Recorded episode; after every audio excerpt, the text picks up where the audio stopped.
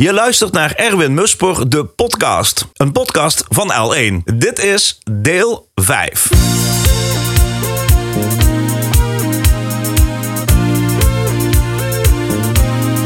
Erwin Musper is producer. In zijn lange carrière werkt hij met vele internationale grootheden. Het rijtje is indrukwekkend met namen als David Bowie, Van Halen, Bon Jovi, Mick Jagger, Metallica, Chicago, Elton John, The Scorpions en Def Leppard. Ook Nederlandse bands weten Muspers studiokwaliteiten op waarde te schatten. Doe maar, Toontje Lager, Raccoon, Normaal, Herman Brood, Frank Boeien, Bluff en Anouk werkten graag met Erwin achter de knoppen. Erwin Musper is inmiddels met pensioen en verruilt in 2014 zijn inmiddels vermaarde Bamboo Room opnamestudio in Cincinnati voor een huis aan het strand in Ecuador. Daar is hij erg betrokken bij het wel en wee van het weeshuis in zijn woonplaats. In deze vijfdelige podcastserie praat ik, Henk Hover van L1, met Erwin Musper aan de hand van 10 door hem zelf gekozen sleutelnummers uit zijn carrière. In de vijfde en laatste aflevering van deze podcastserie gaat het over Erwin Musper anno nu. Hij gaat in 2014 immers met producerspensioen. Het hectische leven in de States verruilt hij voor een huis aan het strand in het Midden-Amerikaanse Ecuador. En daar vindt hij een nieuwe roeping. Dit is Erwin Musper, de podcast, deel 5, een podcast van L1. We waren blijven steken bij de Amerikaanse standard Chicago, uitgevoerd door de Amerikaanse band Chicago. Na de rand aangevuld met een complete big band. Natuurlijk opgenomen door de hoofdpersoon uit deze podcastreeks, de succesvolle producer en opnametechnicus Erwin Musper.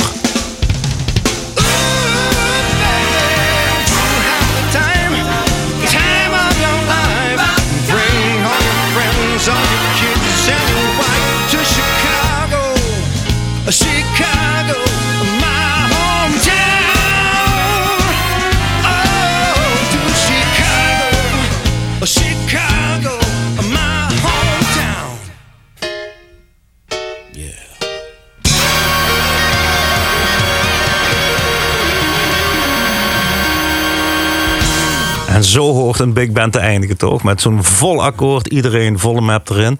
Hey, te gek dit. Maar de- dus de band opgenomen, Chicago de band opgenomen... en daarna nog een keer een, een big band laten meespelen. Ja, ja de, de blazerssectie van, van eh, Chicago zelf, die speelde op de, de eerste studiosessies mee. Dus als het daarbij was gebleven, was het ook compleet geweest. Ja. We wilden een beetje extra. Ze hebben zelfs geloof ik ook nog een eh, zo'n soort Supremes-achtig koortje hebben we ook nog ergens eh, ingepast. Eh, maar vooral met een, een hele grote big band in een, in een super studio in, in eh, Los Angeles. Eh, in, in één middag zes, zes liedjes. eh, Oh, cool. nog, nog verfraaid als het ware. Ja. Hey, we hebben, een, eh, ja, we hebben het aangestipt. Hè? We hebben dingetjes aange... We hebben het helemaal niet gehad over partner. Ik, ben, eh, ik, heb, ik, heb, ik heb al jullie platen. Dat is ook niet zo moeilijk, het zijn er maar drie. Ja. Maar eh, daar hebben we het niet over gehad. We hebben het niet over, uitgebreid gehad over dingen die je bij Marlson hebt gedaan. We hebben het een klein beetje gehad over dingetjes die je bij Telstra hebt gedaan. We hebben een klein beetje gehad over dingen die je bij Westloord hebt gedaan. Om toe te werken naar uiteindelijk eh, naar dingen in Amerika. En uiteindelijk vanuit Amerika. Op een gegeven moment vond je voor jezelf dat je klaar was met werken. Dat je genoeg had gedaan in de muziekindustrie. En dat het tijd was voor rust in jouw leven. En toen dachten jullie met z'n tweeën. Wij zoeken een hele mooie plek. We zoeken het paradijs op aarde. Want ik heb wel eens op Facebook eh, wat foto's gezien hier en daar. Ja. En dan zie je een heel mooi strand. En dan zie je een soort eh, ja, groene jungle-achtige vallei. En dan eh, kom jij met al je geld wat je verdiend hebt met de Scorpions en met David Bowie en wie dan ook. En die laat daar gewoon als westerling, want dat zijn we toch eigenlijk allemaal, in dat mooie land Ecuador laat je een eh, groot huis neerzetten. Ja, we wilden eerst een huis kopen en toen uiteindelijk, omdat we een beetje moderne smaak hebben en dat bestaat daar nog niet, Nee. eh, hebben we het zelf maar eh, ehm, eh, laten bouwen. Maar Erwin, hoe westers is dit? Wat, wat, wat je nu zegt. Hoe wij, wij zijn toch gewoon, zelfs ik, ik bedoel, eh, zelfs ik ben rijk in een land als Ecuador. Maar jij komt daar, je, eh, jullie laten het huis daar neerzetten. En je wilde eigenlijk gewoon niks anders doen, volgens mij, dan op de veranda zitten en s'morgens een goede kop koffie drinken. En dan genieten Ja. van het leven met je, met Ja. je lieftallige partner. Dat was Ja. wat je wilde, toch? Dat was het idee dat we gewoon eh, het rustig aan zouden doen. Met, met een paar van die levenswensen. Ik had altijd gehoopt van, omdat ik in Malibu eh, bij al die lui ben binnen geweest. En die keken allemaal over de oceaan. En dacht, oh, dat wil ik ook. Dus dan dacht ik, nou kan ik dat. Zeker Ocean in- View, ja. en zeker in Ecuador. Dus dat was het idee. En, eh, eh, en inderdaad rustig aan gaan doen. En we, we keken uit op een oceaan. En links daarvan een hele grote klif. Die een beetje de zee in ging. En ja, een leuk uitzicht. Tot op een bepaald moment zei iemand van... God, we hebben een, eh, een eh, soort benefietavond voor een weeshuis. En zo, wil je daar wat aan doneren? Ja, natuurlijk doneren. Dan mag je ook op kerstmis mag je in het weeshuis komen. En dan kun je zien hoe door jouw donaties... kun je de kerstman zien komen. En dan krijgen de kindertjes dit en dat. Dus wij gaan daar op kerstochtend naartoe. En eh, ik loop daar naar binnen en ik zie daar 70 kindertjes rondlopen. En ik, ik was als, als door de bliksem getroffen van eh, wat, wat is dit? Hè? En dan hoor je hier en daar al wat verhalen van de hevige trauma's waar die kinderen doorheen zijn gegaan. En terwijl ze eigenlijk heel happy uitzagen. Dus voor mij was het zo'n een, een klap dat ik dacht van ja, als ik hier wegloop, dan kan ik niet zeggen, oh, wat een leuke toeristische attractie. Nee. Dus ik, ik, dat trok mij terug. En ben ik daar teruggegaan. En uiteindelijk heeft het erin gerelateerd dat ik de laatste 7,5 jaar, eigenlijk het moment dat ik gemerkt heb dat dat er is, heb ik gezegd van dit is wat ik ga doen. Ik ga zorgen dat, dat er voor die kinderen een sprankje hoop komt. Dat ik eh, op een of andere manier nog een extra zin aan mijn leven eh, geef. Hè? En de grap is dat toen wij het huis gingen bouwen, kijk, keken wij uit op het weeshuis, maar we wisten het niet. Dus we zitten echt heel, heel dichtbij. En eh, in, die, in die zeven jaar hebben we heel veel bereikt. Dat kunnen mensen op een eh, website zien als ze dat willen. Eh, maar voor mij is het veel persoonlijker, want ieder kind ken ik bij naam. Ieder kind, de historie ken ik. Speciale behoeftes of speciale ja, trauma's die ze hebben waar je voorzichtig mee moet zijn. En het geeft zo vreselijk veel voldoening. Omdat je binnen no time hebben die kinderen zich aan je gehecht. Hè. Vooral omdat ze uit eh, grote gezinnen kwamen, weggerukt zijn geworden. Eh, en dan, als er dan iemand komt die iedere dag komt, dan wordt het een vervangende ouder. mhm. Hè, En dat, die rol ben ik ingerold zonder dat ik het zelf wist. Eh, dus noem maar wat, met vaderdag word je, kom je daar binnen en dan staat de hele bubs klaar met, met zelfgemaakte kaarten. papa, en dan denk je, dan ben je opeens bij je vader voor. Oké. Of al die, dus dat hakt erin. Hè? Dus voor mij is, is de, eh, de huidige tijd in mijn leven is misschien nog wel de meest belangrijke die ik ooit heb meegemaakt. Belangrijker dan al die andere dingen. Dit is wat ik heb achter me heb gelaten, was bijna een soort. ehm, het kwam naar me toe. Ik heb geluk gehad met eh, al die dingen. En eh, on top of the world met mijn business. En nu ben ik dat niet meer. Dan gaat het de andere kant uit. Dus waar we kunnen inspringen. En dan, eh, het, geeft een soort privilegegevoel van ik kan dat doen en ik wil dat doen. Dus mijn dag begint smo- s morgens vroeg al van wat gaan we vandaag dit en dat. Oh, oh, eigenlijk blijkt zo van eh, noem maar wat, eh, een verjaardag van een kind. En dan, oh, we weten van ieder kind een verjaardag. Oké. Komen we met een taart aan. En ik ben een hele, ehm, eh, hoe heet dat, vervente fotograaf. Dus ik heb op dit moment bijna 100.000 foto's van alleen het weeshuis. En als zo'n kind dan jarig is, dan krijgen ze van ons een boekje van hun jaar. Oh, wat leuk. Ja. Dus hebben ze allemaal foto's. Wat ze er tussen op, en dat noem, dat naar de hand blijkt dan.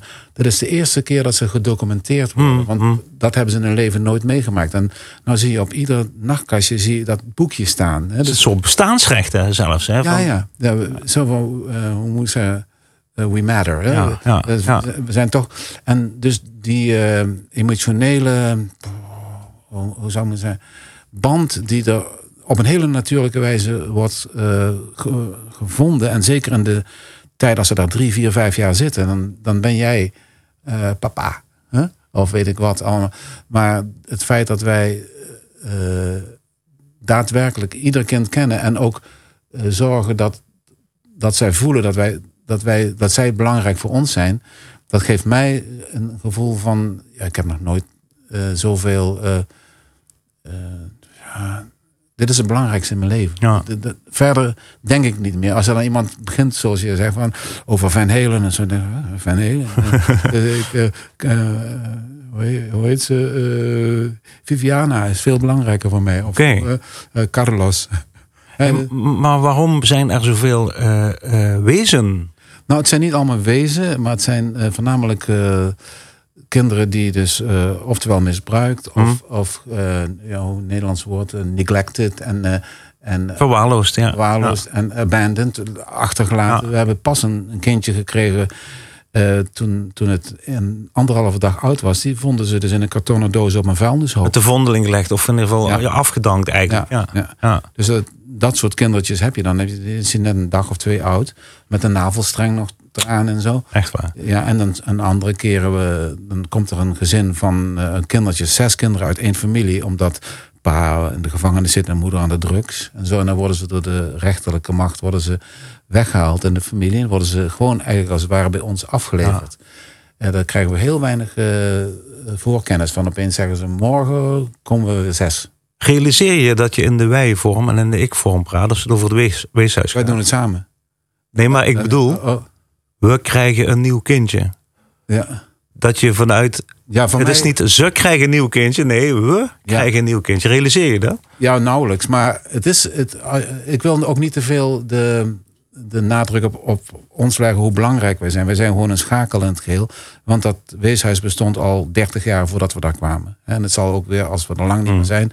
Eh, maar we zijn zo ehm, betrokken dat we zijn de enige eigenlijk van al die mensen die daar komen. We hebben een sleutel. We kunnen gewoon naar binnen wanneer we willen. En als er iets is, dan regelen we dat. Op dit moment eh, zijn we eh, op mijn idee een, een nieuw huis aan het bouwen voor 28 nieuwe kinderen. Eh, dus dat is nou twee derde klaar. Dus zover gaan we dan. Maar buiten dus het feit dat we achter de schermen voor de kinderen... dus eh, eh, nieuwe elektriciteit aanleggen, watervoorziening... mensen, bedden, gewoon al, alle dingen. Voedselvoorziening vooral. En vijf jaar geleden was, of zes jaar al bijna... was er een hele grote aardbeving. Toen heeft de regering, die een heel klein beetje helpt daar...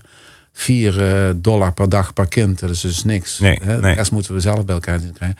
Toen heeft de regering acht maanden niks gegeven. Toen heb ik eh, fundraisers gehouden. Dus ik heb acht maanden lang voedsel op tafel kunnen houden. Ja. Voor 80 kinderen en 20 eh, leiders. Maar ik, ik bedoel met dat we, dat onderstreept alleen maar jullie verbondenheid met Ja. eh, de mensen. Dat is wat ik bedoel. Niet Ja. dat je jezelf op de borst klopt, helemaal niet. Nee, nee, nee. Zoals ik al zei, ik voel me bevoorrecht Ja. om dit te kunnen doen. En dat heeft niets te maken met eigen... eh, dat ik op de foto erbij moet of zo. Hè. Het is letterlijk, het komt helemaal heel diep. En ik, dat is het enige moment ook, als ik erover begin, dat ik vaak even niet uit mijn woorden kom. Hè, dan dan krijgt, grijpt me dat ook hier dan heel emotioneel aan. Omdat ik die beelden voor me zie. Ja. Hè? Eh, Het kindertjes, als we zeggen van eh, ja, we gaan even naar Nederland en zo. En dan komen we, drie weken zijn we weer terug.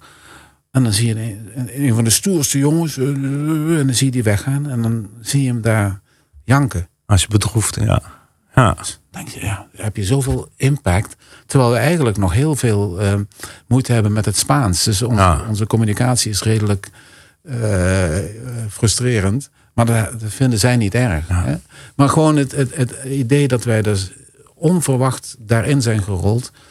En eh, ja, ik hoef daar niet meer weg. Ja. Het is voor mij een levensinvulling die, eh, die, die ik heb toegespeeld gekregen. En eh, het zou niet anders willen. Dus wat dat betreft ben ik, maak ik ook overal niet reclame, maar ik wil mensen laten weten, ja, dat is daar. Je vertelt je verhaal. Ja, ik, ik vertel inderdaad mijn verhaal, maar ik heb natuurlijk een, een achterliggende gedachte van, goh, ga eens op mijn website. Hè? En zo komt er veel van mensen, oh ja, ik wil er ook wel mee helpen. En dan sturen ze 20 euro op Ja. of 100 euro. Of, hè? En daar kunnen wij weer eh, echt wat van doen. Ja. Hè?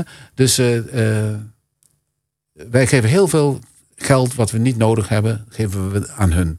En niet alleen aan hun, maar ook aan de, de mensen in het dorp. Want veel mensen hebben door de corona en daarvoor de aardbeving... zijn aan een randje van de afgrond. Mhm. En die woonden al in bamboehutten. Hè? Dus, Ze waren al aan het randje van de afgrond. Ja, Dit dus was nog... er was een verschil tussen arm zijn en starving. Ja, hè? ja, Eh, Dus daar, daar, daar zijn wij nou ook eh, gewoon eh, door die omstandigheden bij betrokken geraakt. En dan, ja, dan blijkt iemand in een huisje te wonen met een gehandicapt kind waar het dak op instort te staan. Dan kijk je naar boven, dan komt gewoon de regen naar binnen, want het dak is een plastic zeil. Ja. Hè? Nou, dan ga je kijken en dan opeens heb je voor elkaar, nou, dat huis wordt opgeknapt. En, dan twee maanden later heeft ze een nieuwe muren, een echt dak. Eh, dat, dat kindje wat, wat niet, niets kan, hè? voor de eerste keer een warme douche. Of eh, Een droog bed. Ja. Dro- En dat soort dingen. En die, die mensen weten niet wat hun overkomt. Ja. En voor ons, ja. eh, financieel hebben we geen problemen. En als we iets kunnen geven, dan is het veel belangrijker dan dat het bij ons op de Ja. bankrekening staat. Hè? Soms- Wa- Want er gebeurde nog iets grappigs. Want jij had je Bamboo Room eindelijk verkocht. Ja. Hè? Want, Ja, wilde het natuurlijk wel goed overdoen. En dat is een mooie... En toen zat jij in Ecuador. En toen dacht je van... Ja, ik kan ook nog wel eh, iets doen in de muziek. Want en als ik iets doe in de muziek... kan ik misschien de inkomsten daarvan wel weer gebruiken voor dat weeshuis. Dus uiteindelijk heeft het weeshuis er ook wel weer voor gezorgd... dat je weer, Ja. toch weer in de muziek bezig bent. Ja, en dat niet alleen, maar ik heb ook een rockband in, eh, met, met allemaal kids. Ik heb 24 gitaarstudenten in het weeshuis. Daar zijn Doet er muziektherapie in feite. Eh, Ja. Ja, dus, en dan zijn er drie getalenteerd en de andere 21 hebben evenveel plezier. Hè? Dus zo moet je het zien. En ik, ik vind dat prachtig. Maar toen hadden we ook meteen een rockband. En dan hebben we één keer met kerstmis hebben we een concert gegeven. En daar staat zelfs één liedje op, op eh, ergens op YouTube.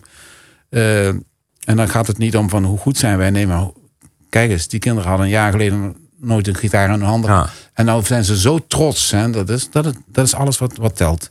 Dus eh, muziek heeft een, inderdaad een, eh, toch een doorlopende leidraad. En zeker omdat ik nog een- eh, genoeg apparatuur in huis heb om, om dingetjes te kunnen opnemen en zo. En ik nodig hun uit. En als ik zelf in die coronatijd heb ik gezeten van god, soms kunnen we niet de deur uit omdat het lockdown Ja. is. Hè? Oh, weet je wat, ik ga eens eh, kijken of ik nog wat kan spelen. Dan ben ik zelf weer wat gaan spelen, want dat heb ik sinds 1981 niet meer gedaan. Ja. Dus een, beetje eh, roestig. Dus, maar uiteindelijk heb ik een eh, aantal liedjes in, die ik in mijn leven prachtig vond, op mijn eigen manier gaan opnemen. En een, een maand geleden dacht ik, oh verrek, iedereen zegt, eh, Paul McCartney is 80. 80, en, ja. en, en, en die ging dit doen en dat. En ik dacht van, verrek, ja, dat heeft voor mij ook heel veel betekend natuurlijk. En heb ik zelf ook zo'n dingetje gedaan. Ja. Ik zag het langskomen op Facebook. Ja. En dat was in de periode dat jij tegen mij zegt: Goh, ik ben weer eens in Nederland. eh, Zullen we een keer koffie drinken? Dat zijn we nu aan het doen. Ik heb nog geen koffie gehad, maar dat maakt niet uit. Dat gaan we dadelijk wel even doen. En toen, eh, ik denk, ja, die moet ik wel even rippen van Facebook. Want die wil ik dan wel zeker eh, nog een keer onder de aandacht brengen op de een of andere manier. En toen kwam jij met je lijstje van tien nummers. En Ja. welke staat als tiende? Datzelfde nummer. Ehm, heel even, toch voor de info. Maar ik kan me voorstellen dat mensen geraakt zijn door jouw verhaal. Eh, jij, jij zegt mijn website. Ja, je hebt op Facebook sowieso Erwin Musper kun je gewoon vinden. En eh dat is gewoon openbaar toegankelijk. Kan iedereen gewoon eh, kijken wat je allemaal doet en contact met jou zoeken. Wat is de website? De website heet eh, eh, MJM Ecuador. Dus M van Marie, J van eh, Johannes en weer een Marie en dan Ecuador. Dat, is niet met een Q. Heel veel mensen schrijven Ecuador met een Q, maar het is E-C-U-A-DOR. Ecuador.com. dus MJM Ecuador. Maar als je bij mij op eh, Facebook gaat, dan komt het vaak genoeg voorbij. Kun je hem ook eh, vinden. aan. En daar zie je dus echt eh exact de essentie van, van wat we doen daar. Oké. En, en dit eh, liedje wat ik gemaakt heb, dacht ik van weet je wat, eh, ik heb nog zo'n 15 liedjes thuis. Die ik in die afgelopen coronatijd heb gedaan. Helemaal zelf ingespeeld eh, met al mijn beperkingen. Maar wel Oh, lol. dat hoor je er niet aan. Goed. Nou, nou, ik, voor mezelf dan. Hè. Ehm, dus dan dacht ik van als, als iemand nou eh, zegt van nou ik geef eh 20 euro zo, dan, dan krijgt hij van mij krijgt hij een, eh, een, een, link of, of een, een, een download van die 15 liedjes. Dan heeft hij een soort cadeautje. Dankjewel voor je eh, donatie. Dan Oké. het gaat er niet meer om mij. Hè, dit is gewoon een cadeautje. Maar het gaat erom, dan, dan kan ik daar weer meer dingetjes mee doen in, eh, in het weeshuis. Ja, je hebt Fool on the Hill van de Ja. Beatles heb je gecoverd. Ja. Ehm, daar heb je een video bij gemaakt. ja. En je zegt, ja, ik heb mijn camera gewoon uit het raam gehouden. En dan, eh, ja, maar god, mijn god, met zo'n... eh, ik kan mijn camera ook uit het raam houden, Erwin. Maar dan heb ik nog niet zo'n zo'n zo'n- prachtige landscape waar je dan... eh, Ja, dat is eh, mooi. Van, dat, we hebben een plekje gevonden in Ecuador waar we nu wonen. Dat is dus dat plekje. Ik kijk letterlijk op mijn balkon. eh, op een heuvel. Dus Full on the Hill. Goed. Hey, ik vond het heel erg fijn dat jij eh, zo uitgebreid met mij wilde praten om deze podcast te maken. Ik vond het heel erg fijn dat jij erbij was om hem in de gaten te houden. Ik zie, ik zie alleen maar goedkeurende knikjes af en toe, dus dat is ook goed gegaan. En eh, ik wil er eh, graag een einde aan breien met deze prachtige versie van Fool on the Hill. Check Erwin Musper op Facebook. Vind daar ook het webadres van het weeshuis waar hij allemaal goede dingen voor doet. En misschien zit er nog wel ergens een tientje los in je broekzak.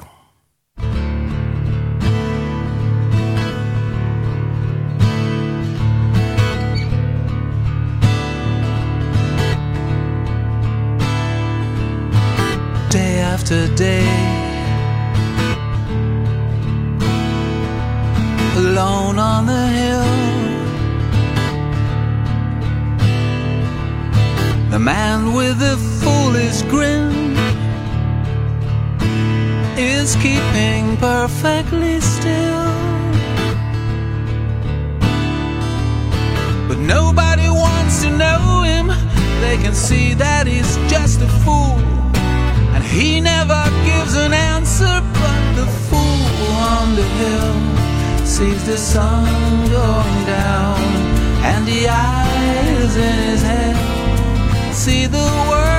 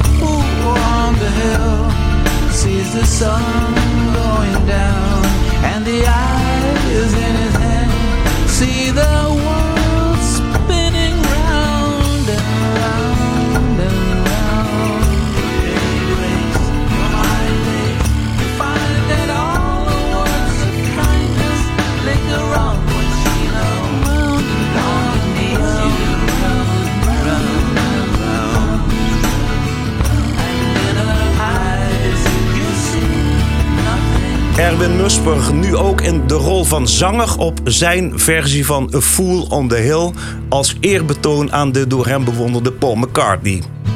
We gingen in vijf afleveringen en tien songs door het leven van deze Limburger, die na een productief internationaal producersleven een nieuwe roeping vond in een Ecuadoriaans weeshuis. Meer info over dat laatste project is trouwens te vinden op Erwins Facebookpagina. Je luisterde naar de vijfdelige podcastserie Erwin Musper. Met veel dank aan Danielle, de levenspartner van Erwin, die de mooie foto van ons tweeën maakte die je kunt vinden op onze socials. En natuurlijk ook aan Erwin Musper zelf, die het geduld opbracht om bijna 2,5 uur verhalen te vertellen in de studio. Mijn naam is Henk Over en Erwin Musper is een podcast van L1.